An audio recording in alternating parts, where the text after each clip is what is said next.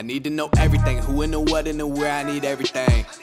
Trust me. Dzień dobry drodzy widzowie, ja nazywam się Adrian Gorzycki i witam Was w kolejnym odcinku specjalistycznej serii, eksperckiej serii o ubezpieczeniach, gdzie naszym gościem jest Kamil Cieplicki.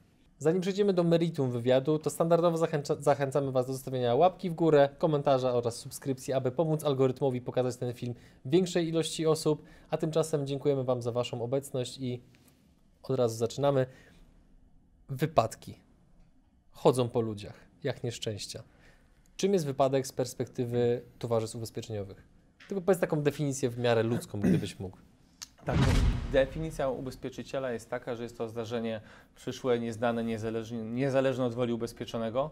Yy, a tak, w, tak, a tak w praktyce Normalnie. no. normalnie, każdy w ten sposób yy, myśli i mówi. Natomiast chodzi o to, że to jest coś, co nie pochodzi z Twojego organizmu. Yy, Nie jest to jakaś choroba czy rozstrój stanu zdrowia, tylko coś faktycznie przyszło z zewnątrz. Mm, I tutaj takim fajnym porównaniem, które zawsze e, omawiam, kiedy rozmawiamy z ludźmi o ubezpieczeniach od wypadków, jest sytuacja, w której jeden z naszych klientów y, spadł z drabiny, tylko że zakręciło mu się w głowie. Mhm. Więc nie był to wypadek, bo zakręciło mu się w głowie. Natomiast gdyby w podobnej sytuacji ktoś spadł z drabiny i dopiero wtedy mu się zakręciło w głowie, wtedy moglibyśmy mówić o wypadku. I analogiczna sytuacja zawsze, kiedy pół żartem, pół serio e, ludzie pytają nas o to, czy wypadek jest komunikacyjny, to pytają, czy y, jeżeli y, mam zawał za kierownicą i uderzam w drzewo, to jest to wypadek czy nie? No to analogicznie nie, chyba że nagle wpadam w poślizg i uderzając w drzewo dostaję ataku serca. Oczywiście to jest Mhm. sytuacja przejaskrawiona, natomiast myślę, że chyba dobrze odpowiada na pytanie. Czemu mam takie wewnętrzne poczucie, że to są takie niuanse, że tak naprawdę one nie zachęcają do mówienia prawdy? Myślę, że to jest dobre wrażenie, chociaż tak naprawdę yy, myślę, że jeżeli chodzi akurat o ubezpieczenia wypadkowe, to tutaj prawda z reguły sama się broni. Mhm. A powiedz mi, z jakich e, ubezpieczeń na życie korzystają przedsiębiorcy? Najczęściej. Yy, Najczęściej korzystają z takiego, w zasadzie z trzech chyba rzeczy. Myślę, że przedsiębiorcy najrzadziej, najrzadziej korzystają z ubezpieczenia pod tytułem urodzenie dziecka, śmierć rodzica, teściów, jakieś złamanie ręki, nogi. A czemu najrzadziej? Yy, Bo myślę, że te pieniądze, te świadczenie, które otrzymują, nie rekompensują im tego. Yy, A najczęściej korzystają, dlatego że często ich czas jest wart dużo więcej niż te Mhm. pieniądze, które z tego tytułu otrzymują, a te świadczenia są dość niskie. To nie są pieniądze, które mm, potrafią odmienić swoje życie.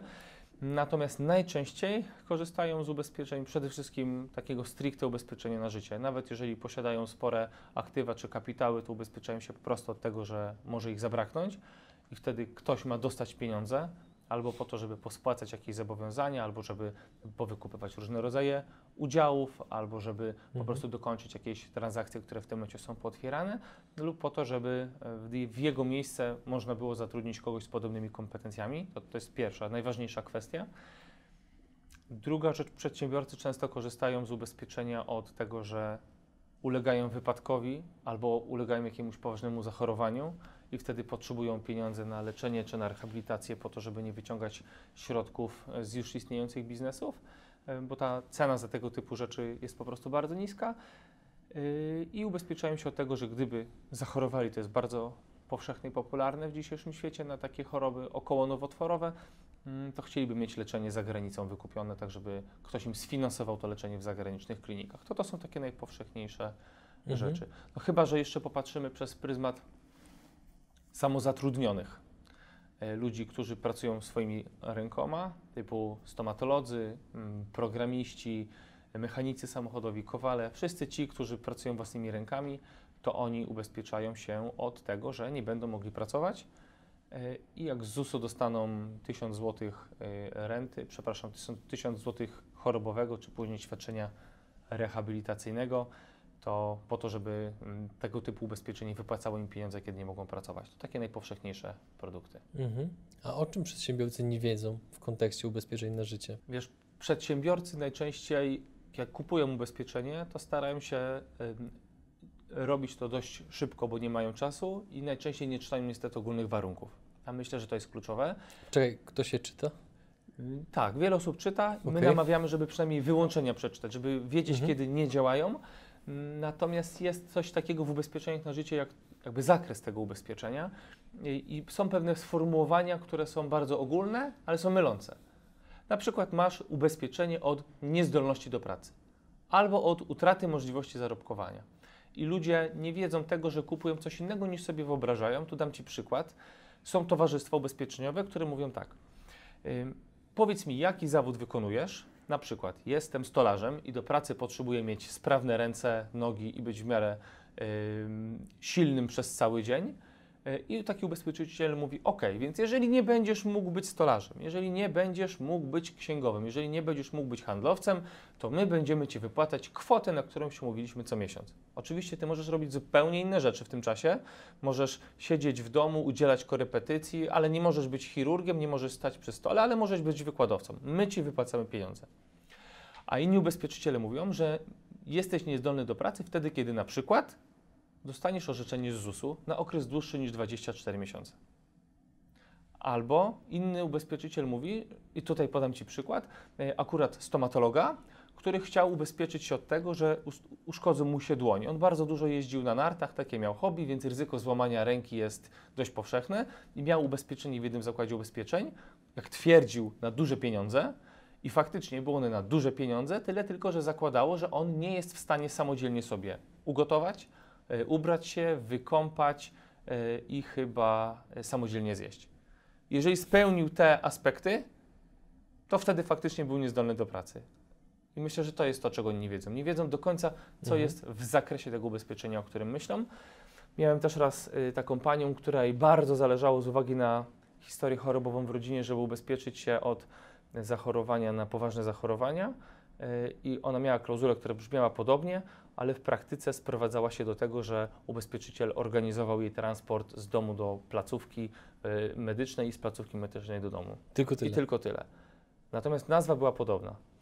Mm, ostatnio spotkałem się też z ubezpieczeniem. Jeden kolega przesłał mi case. Kamil, nasza e, koleżanka nie może pracować.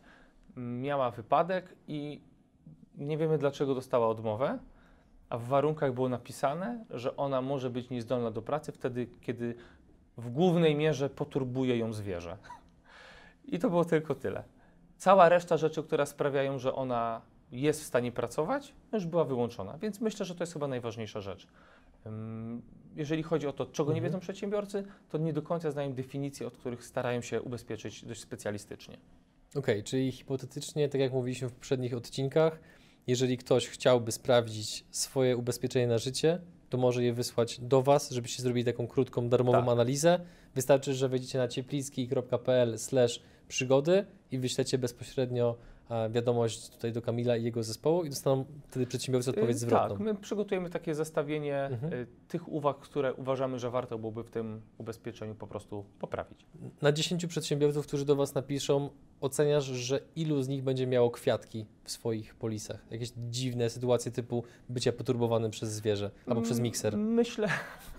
Przepraszam, nie myślę, że to, to, to, nie, to Myślę, że to będzie mała grupa, może 3, 2, 3 na 10, natomiast warto to zweryfikować. Mhm. Często też jest tak, że ktoś zawierał ubezpieczenie lata temu troszkę w innej dla siebie biznesowej rzeczywistości. Tak Miałem na przykład sytuację pana, który był ubezpieczony jako fotograf, tylko on już dawno przestał robić zdjęcia, a jego biznes sprowadzał się do zarządzania siecią punktów fotograficznych, więc troszkę innych rzeczy potrzebował. Mhm. W międzyczasie skala zobowiązań mocno mu urosła, no i to też musieliśmy zaktualizować. Myślę, że to mogą być dobre ubezpieczenia, ale warto je po prostu sprawdzić. Mhm. A zauważyłem też, że często przedsiębiorcy wykupują różne polisy na życie, żeby no, zabezpieczyć swoją rodzinę na wypadek sytuacji, gdzie mhm on zginie w wypadku, bądź stanie się coś innego. Co jest kluczowe w przypadku tego typu polis na życie, żeby potem faktycznie towarzystwo chciało wypłacić te 300, 500 tysięcy czy 2 miliony złotych? Y, jeżeli mówimy o takim ubezpieczeniu stricte, światełko gaśnie i ktoś ma dostać pieniądze, to ważne jest tutaj na pewno, żeby powiedzieć prawdę w ankiecie zdrowotnej, niczego nie zatajać. Dlatego, jeżeli coś pominiemy w tak zwanej ankiecie zdrowotnej, czyli to jest moment, w którym ubezpieczyciel pyta Cię Mhm. o Twój stan zdrowia, wzrost, hobby, czy nurkujesz, czy skacze, czy skacze ze spadochronem i tak. Tak. dalej. Więc jeżeli e, tutaj coś zostanie pominięte, to ubezpieczyciel przez pierwsze 3 lata na gruncie kodeksu cywilnego może Ci zarzucić kłamstwo i nie wypłacić e, świadczenia ubezpieczeniowego. E, A druga kwestia to odpowiednie poukładanie tak zwanych uposażonych, czyli informacja o tym, kto ma dostać pieniądze. Tutaj często y, ludzie dość szlachetnie mówią, że gdyby mnie zabrakło, to chciałbym, żeby te pieniądze dostało moje dziecko. Natomiast zapisywanie pieniędzy małoletniemu nie jest dość rozsądnym, dlatego że on tak, na, tak naprawdę nie ma od razu dostępu do tych pieniędzy. Ja miałem sytuację, w której człowiek zapisał pieniądze czterolatkowi, ten człowiek zmarł i ja później trafiłem, wtedy poznałem jakby rodzinę tego, tego, tego zmarłego. E, i oni zrobili to szlachetnie na dziecko, takie było dom, takie było, takie była, taka była intencja. Natomiast no, okazało się, że rodzina, która potrzebuje tych pieniędzy, żeby różne rzeczy Mhm. uregulować, nie ma dostępu, bo sąd rodzinny musi wyrazić zgodę na zarząd majątkiem małoletniego. To już jest długotrwałe, czasochłonne, e, no i dość trudne. To jaka opcja jest rozsądniejsza, jeżeli ktoś faktycznie chce zapisać swoje środki dziecku? No to to jest zawsze kwestia tego, jaką mamy sytuację rodzinną. Tak? Czy to jest tak, że jestem tylko ja i dziecko, a może jest tak, że jestem ja, żona, dziecko i wtedy mogę zapisać te pieniądze żonie, mogę te pieniądze zapisać babci na wychowanie dziecka. To oczywiście sprawia, że trzeba rozważyć dalsze kwestie, czy gdy zapiszę babci i ona umrze, to czy jedynym spadkobiercą ustawowym będzie właśnie to dziecko, czy może ta babcia ma jeszcze inne Mhm. rodzeństwo, które po niej będzie dziedziczyło. To już są takie sprawy mm, troszkę bardziej skomplikowane, ciężko jednym zdaniem odpowiedzieć na to pytanie. Natomiast warto taką sytuację sobie mocno przeanalizować, zarówno pod kątem, e, i to jest taka rzecz, o którą często ludzie nas pytają, zarówno pod kątem samych pieniędzy z ubezpieczenia, jak i tego majątku, który już posiadamy. Mhm. Bo jeżeli masz em, majątek, firmę, udziały, akcje i kiedy ciebie zabraknie, no to ktoś to dziedziczy. Pytanie, czy ty chcesz, żeby ta osoba dziedziczyła to w taki sposób, w jaki nakazuje przepis, czy może chciałbyś to zrobić w inny sposób. Chciałbyś to komuś zapisać. Często w takich sytuacjach pojawiają się jakieś dodatkowe koszty, które są związane z obsługą tego procesu, łącznie z tak zwanymi zachowkami, czyli wypłatą pieniędzy osobie, której, mm, którą pominąłeś na przykład w testamencie, a jej należałyby się pieniądze. Tu, tu wyobraźmy sobie sytuację, w której ktoś pomija w testamencie jedno z dzieci i chce pieniądze zapisać, czy cały majątek, biznes tylko drugiemu dziecku, to to pierwsze dziecko czuje się pokrzywdzone e, i może żądać w cudzysłowie rekompensaty. Czasami jest tak, że ludzie dziedziczą majątki, które są ciężko podzielne, trudno zbywalne. Często to są jakieś firmy i nie chcą ludzie tych firm Mhm. zamykać po to, żeby tego typu spłaty robić. Mm, I właśnie często też wyko- wykorzystują wtedy ubezpieczenie na życie, które w razie W wypłaca gotówkę, z, którą można, z której można tego typu zobowiązania po prostu uregulować. A to jest fajne i ciekawe, że ubezpieczenia na życie nie wchodzą w masę spadkową, czyli po prostu je dostajesz, nie płacisz Mhm. żadnego podatku. Ja mogę zap- zapisać pieniądze tobie, ty możesz zapisać je mi. Koniecznie po programie. Tak, Dobra? zrobimy to na pewno, Powiedział Bartek, słyszałeś, nie? ale mogę też to w każdej chwili zmienić. Nie. W każdym razie, gdybyś mi zapisał pieniądze, ale nie jesteśmy ze sobą w żaden sposób spokrewni, to ja i tak bym nie zapłacił żadnego podatku i mógłbym na przykład te środki wykorzystać na, strzelam, wykupienie udziałów w Twoich spółkach. Okej. Czy przedsiębiorcy często korzystają właśnie z tego rozwiązania, żeby w ten sposób załatwić ewentualne kwestie testamentowe? Mm, Jakieś 8 lat temu zacząłem się tym interesować. Myślę, że wtedy to był taki troszkę kwiatek do kożucha. Dużo się o tym mówiło, natomiast Mhm. mało faktycznie korzystało się z tego typu rozwiązań. Teraz jest to dużo bardziej powszechne i popularne. Wydaje mi się, że to jest też związane z, związane z tym, że dochodzimy do takiego momentu, gdzie pokolenie lat 90. zaczyna przekazywać biznesy Mhm. bo tego typu ubezpieczenia pomagają zarówno kiedy kogoś zabraknie, natomiast często wtedy też od razu poruszane są wątki, a co w sytuacji, kiedy ciebie nie zabraknie, ale na przykład chcesz uwolnić się z mm, biznesu albo przekazać to dzieciom i wtedy różne konstrukcje ubezpieczeniowe też w tym właśnie pomagają. Mhm. A czy ludzie często kłamią podczas y, wypełniania ankiet, formularzy odnośnie polis na życie? Ciężko mi powiedzieć, bo ja zakładam, że to jest zawsze prawda, natomiast mówi się, że około 10% jest wyłudzonych. 10% ubezpieczeń czy świadczeń jest właśnie nienależycie wypłaconych. A co się dzieje w sytuacji, jeżeli ktoś wykupił polisę na życie i pomimo, że miał absolutnie dobre intencje, wypisał wszystko tak jak należy, zgodnie ze swoim stanem wiedzy, ale nie wiedział o tym, że jakaś choroba już się dzieje w tle. Mhm. Co wtedy się dzieje? E, Ubezpieczyciel kontaktuje się z placówkami medycznymi, w których się leczyłeś Mhm. e, i pyta, czy miałeś taką e, wiedzę. Jeżeli tak, no to zarzuca ci kłamstwo i po prostu odmawia wypłaty świadczenia. Ja miałem raz taką sytuację, gdzie pana ubezpieczyłem bodajże w lutym, a niestety zmarł w kwietniu i faktycznie było wtedy gorąco. Co to znaczy? Ja się denerwowałem, czy przypadkiem czegoś nie pominąłem, czegoś nie widziałem, czegoś nie zauważyłem. Tak krótki okres czasu zawsze Mhm. e, sprawia, że po prostu człowiek się dość mocno zaczyna e, denerwować. To tak samo jak ubezpieczysz auto w poniedziałek, a coś się Mhm. wydarzy w środę.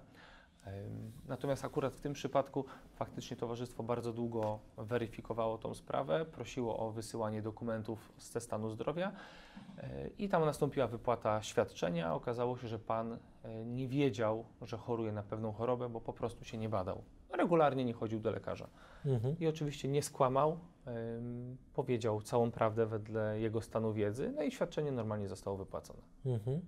A powiedz mi, no bo w każdej branży, w każdej dziedzinie są powiedzmy takie sytuacje, które bardzo zapadają w pamięć.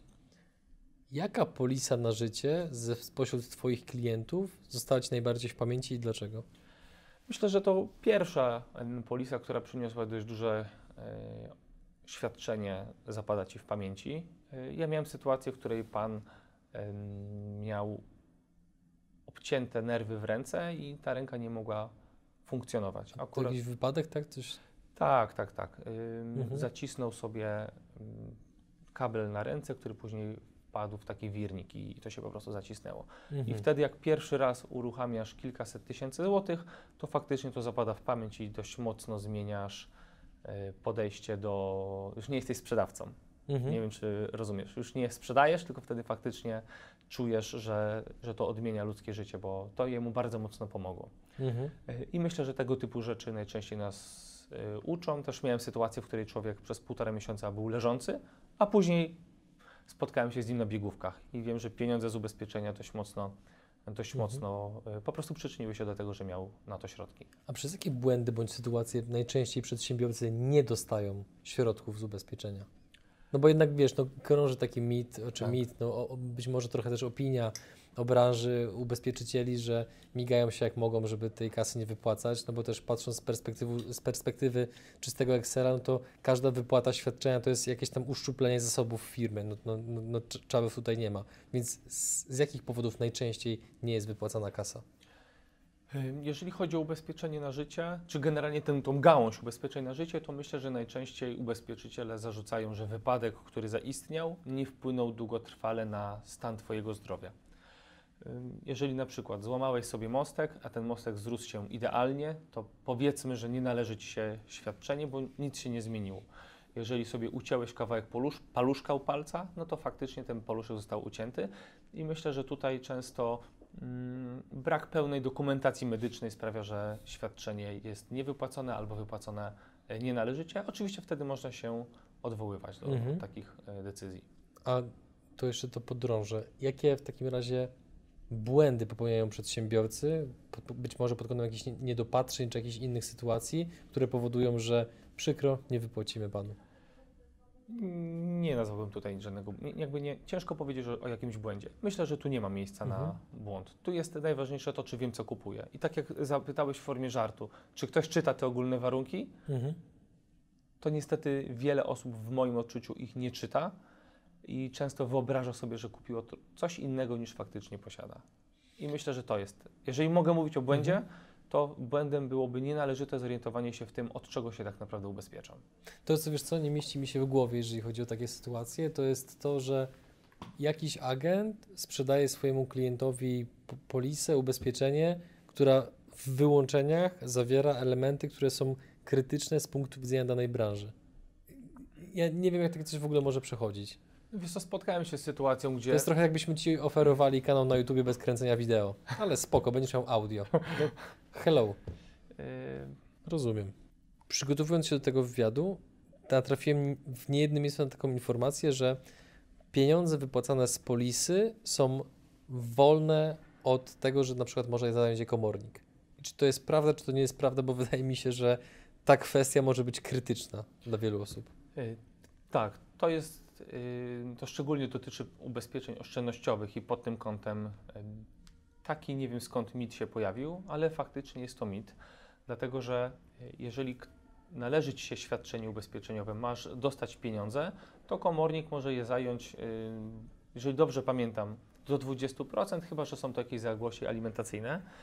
Natomiast jeżeli masz pieniądze, które są odłożone w jakiś sposób na polisie i tego dotyczy ten mit, to ludziom wydaje się, że nic nie można z nimi zrobić, a to jest nieprawda. Jeżeli komornik dowie się, że ktoś takie ubezpieczenie posiada albo że przygotowana jest dla niego wypłata z wartości tego typu umowy, e, no to tak samo może zająć to jak na przykład udziały w spółce. To jest Mhm. mit i ja na bazie naszych klientów już niestety spotkałem się z sytuacją, że tego typu polisy były zajmowane czy wykupywane. Mhm. A przejdźmy teraz do grupowych ubezpieczeń, no bo to jest taki, wydaje mi się, produkt, który praktycznie jest znany każdemu przedsiębiorcy. Co jest szczególnie ważne, jeżeli chodzi o grupowe ubezpieczenia? Wiesz, jeżeli chodzi o tak zwane grupówki, to jaki ma być zakres tego ubezpieczenia, Mhm. to to jest coś, co jest uwarunkowane od danego zakładu pracy. Po prostu zależy nam, zależy, żeby każdy sobie stwierdził, na czym mu zależy. Jedne osoby chcą mieć urodzenie dziecka, inne chcą mieć złamania ręki, inne mówią, że śmierć rodziców właściwie ich nie interesuje. Natomiast to, o czym, co jest zawsze zaskoczeniem dla ludzi, z którymi my rozmawiamy, to jest to, że jeżeli ktoś już prowadzi w firmie ubezpieczenie grupowe, często jest tak, że jest to też finansowane przez, ubezpiecza, przez y, pracodawcę, natomiast nie jest to ozusowane, opodatkowane, jest to powiedzmy taki dodatkowy bonus. Natomiast bez ozusowania, tak w wielkim skrócie. Y, I my zawsze sugerujemy, że jeżeli ktoś i tak z dobroci serca finansuje tego, tego typu ubezpieczenie, to warto, żeby całe ubezpieczenie potraktowało, zostało, zostało potraktowane jako przychód pracownika.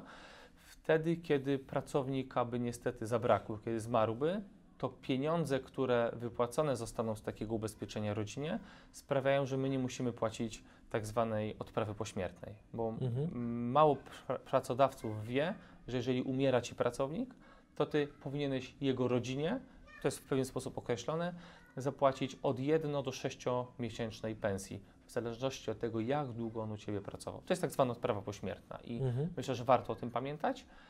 Natomiast druga rzecz, ym, która jest istotna, to chyba zmienianie ubezpieczenia grupowego. Często jest tak, że jesteś w jakimś zakładzie i nagle chcesz zmienić. E, I często takim koronnym argumentem jest to, że u nas nie będzie karencji, czyli od razu wypłacimy ci za to, co wydarzy się następnego dnia. Natomiast oprócz karencji w ubezpieczeniach grupowych, jeszcze, w ogóle w ubezpieczeniach jeszcze istnieje coś takiego jak tak zwany pre-existing, czyli brak odpowiedzialności za choroby zaszłe. I może zdarzyć się w taki sposób, że takie, taka sytuacja, że w kadrze mamy kogoś, kto już na przykład choruje na chorobę nowotworową, my zmieniamy ubezpieczenie i co prawda nie ma karencji, ale ten pre-existing sprawia, że w przypadku tego konkretnego pracownika Mhm. ubezpieczenie nie działa w stosunku do tego, na co on chorował przed zawarciem umowy ubezpieczenia. I to może być dość mocno krzywdzą- krzywdzące. Więc Mhm. po, podsumowując, to są dwie bardzo ważne rzeczy. Tak zwana odprawa pośmiertna, no i to, że kiedy zmieniamy to ubezpieczenie, żeby zadbać o to, aby tego tak zwanego preeksa w warunkach po prostu nie było. Mhm. Jednym z kolejnych punktów scenariusza, jaki sobie zapisałem na rozmowę z Tobą, to jest takie zagadnienie, które. No bo mówi się, że do nas wiele rzeczy przychodzi z zachodu, że jakby to jest kwestią czasu, kiedy się pojawi jedno bądź drugie rozwiązanie, ale z racji tego, że mamy też duży taki przegląd w różnych branżach, to widzimy, że czasami specyfika polskiego rynku powoduje, że jednak stajemy murem przed pewnymi rozwiązaniami, które z zachodu przychodzą. I zastanawiam się, czy to czy podobnie jest w ubezpieczeniach? Czy dosłownie robimy kopiuj i wklej tego, co jest na zachodzie, czy jednak są pewne rozwiązania, które u nas na naszym rynku nie przyjęły się w ogóle? Z punktu widzenia oczywiście biznesu. Są ubezpieczenia, które na pewno się przyjęły. Takim idealnym przykładem jest ubezpieczenie utraty przychodu, czyli tak zwanych rąk od pracy, y, ubezpieczenie naszych rąk od braku możliwości zaro- zarobkowania. Tu mam przykład handlowca, który zarabiał około 30-35 tysięcy średnio miesięcznie. Nagle rozchorował się i przez 4 miesiące nie mógł pracować, przez, więc przez ten czas ZUS-u dostawał około 1100 zł. I ten produkt wypłacił mu różnicę, zrekompensował to. I to jest Mhm. ubezpieczenie, które w środowisku samozatrudnionych lub osób, które zatrudniają kilka, kilku pracowników, faktycznie bardzo mocno się sprawdziło, zarówno w tego typu zawodach, gdzie jesteśmy handlowcem, pracujemy manualnie, jak i w zawodach, kiedy ktoś jest na przykład aktorem, który gra głównie w oparciu o mowę o dzieło, albo gwiazdy estrady, bo i tego typu osoby z tego, z tego typu produktów korzystają, to to się przyjęło idealnie. Natomiast jeden z zakład ubezpieczeń e, w, ostatni, w ostatnich miesiącach musiał wyprowadzić z rynku swój program, który, jak się okazało, był bardzo dobry, ale po prostu był za drogi w stosunku do tego, co polski przedsiębiorca jest w stanie zapłacić. Mm, Można w skrócie powiedzieć, że to było ubezpieczenie w cudzysłowie leczenie jak w Ameryce, czyli nieważne na co zachorowałeś, nieważne jaki miałeś wypadek, Mhm. y, jak długo to miało trwać, co roku miałeś dostawać ileś pieniędzy na to, żeby się prywatnie po prostu leczyć, czy to w Polsce, czy za granicą. I to było około 6-7 razy droższe niż drugi konkurencyjny na polskim rynku produkt. I faktycznie to ubezpieczenie nie udało, to ubezpieczenie nie przyjęło się, nie udało się jego po prostu utrzymać. Natomiast nasz rynek dość mocno się w tym temacie rozwija i myślę, że za jakiś czas pewnie znowu pojawi się coś podobnego. Mhm. Nieco wcześniej wspomniałeś trochę o tym, że teraz mamy takie pokolenie przedsiębiorców, którzy rozpoczynali swoje biznesy często w latach 90. i teraz są na etapie przekazywania tego kolejnej generacji. Wyobrażam sobie, biorąc pod uwagę, jak wielu tych przedsiębiorców jest, że niejednokrotnie na etapie sukcesji może zachodzić powiedzmy no, jakiś problem, niedopatrzenie, gdzie no, następuje tragedia, przedsiębiorca umiera, a te procesy nie są poukładane. Jak na to wszystko jakby spo, spoglądasz z perspektywy ubezpieczeń? Czy masz jakieś w ogóle historie pokazujące, że właśnie takie dramaty się dzieją? Y, Najpierw, najpierw powiem Ci e, historię, która jest takim idealnym przykładem, że jeżeli nie masz tego poukładanego, to jest źle. E, Miałem, mm, mieliśmy w portfelu firmę, która była zarządzana przez jednego człowieka i ten jeden człowiek wiedział o niej wszystko. Niestety zabrakło go w zasadzie z dnia na dzień i nagle okazało się, że firma nie dość, że nie jest w stanie bez niego funkcjonować, to dwa, nie wszyscy wiedzą do końca, kto z kim, w jaki sposób za pewne rzeczy jest odpowiedzialny, więc ten system nie był poukładany. A oprócz tego prywatnie ten człowiek prowadził różne inne interesy, o których nie wiedzieli najbliżsi. Yy, I finał niestety tej historii smutnej jest taki, że nie dość, że nie mieli informacji o tym, jakie on ma konta bankowe, część środków było zainwestowanych yy, w różne podmioty i on faktycznie tam w tych KRS-ach nie występował, łącznie z tym, że niektóre grunty, których wszyscy myśleli, że on jest właścicielem, nie były jego własnością. Yy, I to wynika właśnie z tego, że to jest źle zaplanowane. Yy, Natomiast też mam taką sytuację, w której przy takim złym planowaniu flota ekskluzywnych samochodów stała w garażu przez dwa lata, zanim okazało się, że można ją sprzedać, a każdy z tych samochodów tracił rokrocznie na wartości bardzo dużo. Natomiast z perspektywy ubezpieczyciela to my nie koncentrujemy się tylko na tym, że kogoś zabraknie i potrzebne są pieniądze na to, żeby sfinansować, żeby sfinansować jakieś wykupienie udziałów, akcji, być może jakieś zachowki, o których Ci wcześniej wspominałem. Natomiast staramy się też z klientem rozmawiać, co w sytuacji, w której Ty nie możesz pracować, ale jeszcze na tym świecie jesteś. Czy to masz poukładane? Bo istnieje wiele firm, które stoją na jednym człowieku. Albo ja spotkałem się ze spółką, w której dwóch wspólników radziło sobie idealnie, tylko jeden był od finansów i wiedział wszystko o firmie, a drugi był od szeroko pojętego zarządzania biznesem. Bez jednego drugi nie był w stanie funkcjonować. Oczywiście on byłby w stanie wgłębić się, natomiast to by zajęłoby mu dłuższy okres czasu. I tam na przykład panowie skorzystali z takiego rozwiązania, że gdyby którykolwiek z nich nie mógł wykonywać tych obowiązków, to mieli odpowiednie zapisy w umowie, które mówiły, jak długo i jak długą, jak wysoką kwotę e, w cudzysłowie pensji będzie otrzymywał przez czas, kiedy nie może pracować i pełnić tych funkcji zarządczych. Ale oprócz tego mieli panowie ubezpieczenie zawarte takie, które w tym momencie finansowało wykupienie dowolnego eksperta z dowolnej konkurencyjnej firmy w zasadzie w 30 dni Mhm. i danie, mu, i danie mu zagwarantowanej pensji na okres od 2 do 3 lat, tylko po to, żeby w razie W mieć od ręki kogoś, kto wchodzi i w większości rzeczy potrafi się odnaleźć, albo na tyle Mhm. zna rynek, że będzie w stanie generować nowe zapytania, obsługiwać bieżących klientów, po prostu zmieni barwę. Mhm. Więc sama sukcesja niestety w Polsce jest mylnie kojarzona tylko z tym, że ktoś umiera yy, i ubezpieczyciele często też w taki sposób to przedstawiają, natomiast wątek jest szerszy, no bo mm, kojarzy Mhm. się z tym albo z akumulowaniem kapitału, za który w przyszłości będzie można na przykład odkupić udziały i wyjść e, czy, czy po prostu po, powiedzmy wyjść z firmy. Trochę podrążę ten wątek o tych dwóch e, wspólnikach, o których powiedziałeś, bo Mhm. to rozwiązanie no, w mojej ocenie teraz, oczywiście jak już je usłyszałem, to ono mi się wydaje no, proste, Banalne. ale jednocześnie genialne. I teraz oni sami na to wpadli, przyszli do Ciebie i powiedzieli, Kamil, słuchaj, zrób to nam tak, tak i tak, my chcemy tak, tak i tak, czy Nie, to właśnie nie. raczej Ty im to zaproponowałeś? To jest tak, że ym, ja zaproponowałem mi pewnego rodzaju sposób myślenia. To, to wynika y, z tego, że pracując z dużą liczbą, liczbą przedsiębiorców, o różnych pomysłach y, słyszałem. Ym, dam Ci przykład. Y, spotkałem się z klientem, który wprowadzał dziecko do biznesu. I tam tak było y, bardzo dobrze ustawione relacje biznesowe, ale też y, rodzinne, że syn wchodząc w firmę wiedział, że kiedy, że ojciec ma przejść na emeryturę w pewnym określonym wieku i że cała firma zostanie przekazana synowi, Mhm. ale ojciec miał dostawać od syna dożywotnią emeryturę w wysokości takiej i takiej kwoty, a gdyby ojca zabrakło, to te pieniądze miała dostać jego mama. I jak ja pierwszy raz o tym usłyszałem, to mówię, fantastyczne.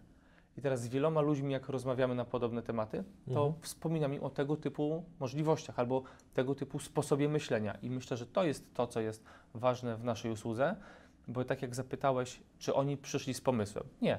Oni przyszli z prostym komunikatem. Panie Kamilu, my chciałybyśmy ubezpieczyć się tak, żeby jak jednej z nas zabraknie, druga dostała pieniądze. I to są najczęstsze, em, najczęstsze sytuacje, z którymi ja się spotykam. I dopiero w rozmowie my sugerujemy jakieś rozwiązania, które zawsze później należy jeszcze skonsultować ze swoim prawnikiem czy działem prawnym. Natomiast myślę, że naszą przewagą jest to, że z uwagi na liczbę modeli, z którymi się spotkaliśmy, czasami takie dość niestandardowe sytuacje, rozwiązania możemy po prostu podpowiedzieć. To nawiązując do tego, co powiedziałeś, że spotykacie się z różnymi pomysłami, to nie mogę nie zapytać e, w imieniu niektórych przedsiębiorców w Polsce, e, Kamil, jak nie płacić podatków w naszym kraju? To ja niestety nie wiem, bo ja płacę. Natomiast tak serio Ci odpowiadając, ym, ubezpieczenie przy pewnych założeniach też może być taką w cudzysłowie ulgą, dlatego że jeżeli wykupujesz ubezpieczenie y, na okres dłuższy niż 5 lat, to ono przy pewnych parametrach, przy pewnych założeniach może być kosztem uzyskania przychodu dla spółki i przychodem osobistym dla pracownika. Natomiast jest to jakaś forma oszczędności, natomiast wymaga y, dużo szerszego rozwinięcia, ale ważna rzecz, pieniądze z ubezpieczenia nie wchodzą w masę spadkową, to o czym Ci mówiłem wcześniej i od nich nie płacimy podatków. Ja Mhm. spotkałem się z sytuacją, w której jeden przedsiębiorca miał ubezpieczenie tylko i wyłącznie po to, żeby w razie, gdyby jego zabrakło, mieć, żeby wspólnik dostał prywatnie pieniądze, które wtedy byłby w stanie wprowadzić do spółki, po to, żeby e, robić bieżące opłaty, bo firma e, mogła znaleźć się w problemie finansowym. Więc z Mhm. tego typu rozwiązaniem też się spotkałem. Skubany dobry jest, nie, Bartek? Ja, ja tutaj z żartem wszedłem z tymi podatkami, a on tutaj pyk, cyk, myk, Można? już mnie obrócił, moją siłę przeciwko mnie wykorzystał jak w judo, nie? Szanuję to. A Ale wiesz co, to, to wynika... też, To wynika stąd, że ym, ja troszkę że, śmieję się, że często jak rozmawiam z pośrednikiem ubezpieczeniowym, to on jest konsultantem z wielu różnych dziedzin. I nas ludzie kojarzą często i wyłącznie tylko z ubezpieczeniem. Pan ubezpieczy samochód, pan ubezpieczy mieszkanie i tyle. Natomiast pośrednik ubezpieczeniowy i wielu moich kolegów to są ludzie, którzy znają się na szerokiej grupie rzeczy, począwszy od kredytów, leasingów, muszą siłą rzeczy Mhm. liznąć podatki i rozgraniczają to, że ktoś działa w takiej, a nie innej konstrukcji prawnej, głównie dlatego, że pewnie chciał skorzystać z takiej i z takiej ulgi. Jeżeli ktoś się przekształca albo nie Mhm. przekształca, albo tworzy nowy podmiot, to często my po prostu wiemy w jakim celu. W dzisiejszym świecie pośrednik ubezpieczeniowy to jest zawód, który faktycznie posiada bardzo dużą wiedzę ogólną o świecie i o biznesie. Mhm. A powiedz mi, w jaki sposób mądrze poukładać sprawy dotyczące sukcesji? Tylko chciałbym, żebyś na to spojrzał z dwóch perspektyw. Z jednej strony z perspektywy powiedzmy takiego pana Bogdana, który ma 65 lat i stwierdza, że już czas ze sceny zejść, oraz z perspektywy takiego powiedzmy 25-30-latka, który właśnie wchodzi w buty pana Bogdana. I jeden z nich na pewno będzie oglądał ten materiał. Więc co ma powiedzieć ten młodszy temu starszemu, żeby ten starszy w ogóle chciał gadać, albo co ma zrobić ten starszy, żeby przekonać tego młodszego Mhm. może, że warto. Myślę, że dużym problemem jest to, że starszy nie może przekonać młodszego do zajęcia się jego biznesem, bo młodszy twierdzi, że on tego nie chce, nie potrzebuje. E, I to jest coś, z czym ja się często Mhm. spotykam. W naszej branży też firmy nie są dziedziczone. Ja jestem drugim pokoleniem e, ubezpieczycieli e, w naszym domu, więc ten etap powoli już jest za nami i mam troszkę inne spojrzenie. Natomiast myślę, że mm, starszy powinien pokazać młodszemu, jakie są faktycznie dane finansowe, bo często ludzie przy rodzinnym stole o tym nie rozmawiają e, i powinni po prostu wyjściowo ze sobą porozmawiać, jakie każdy z nich ma oczekiwania.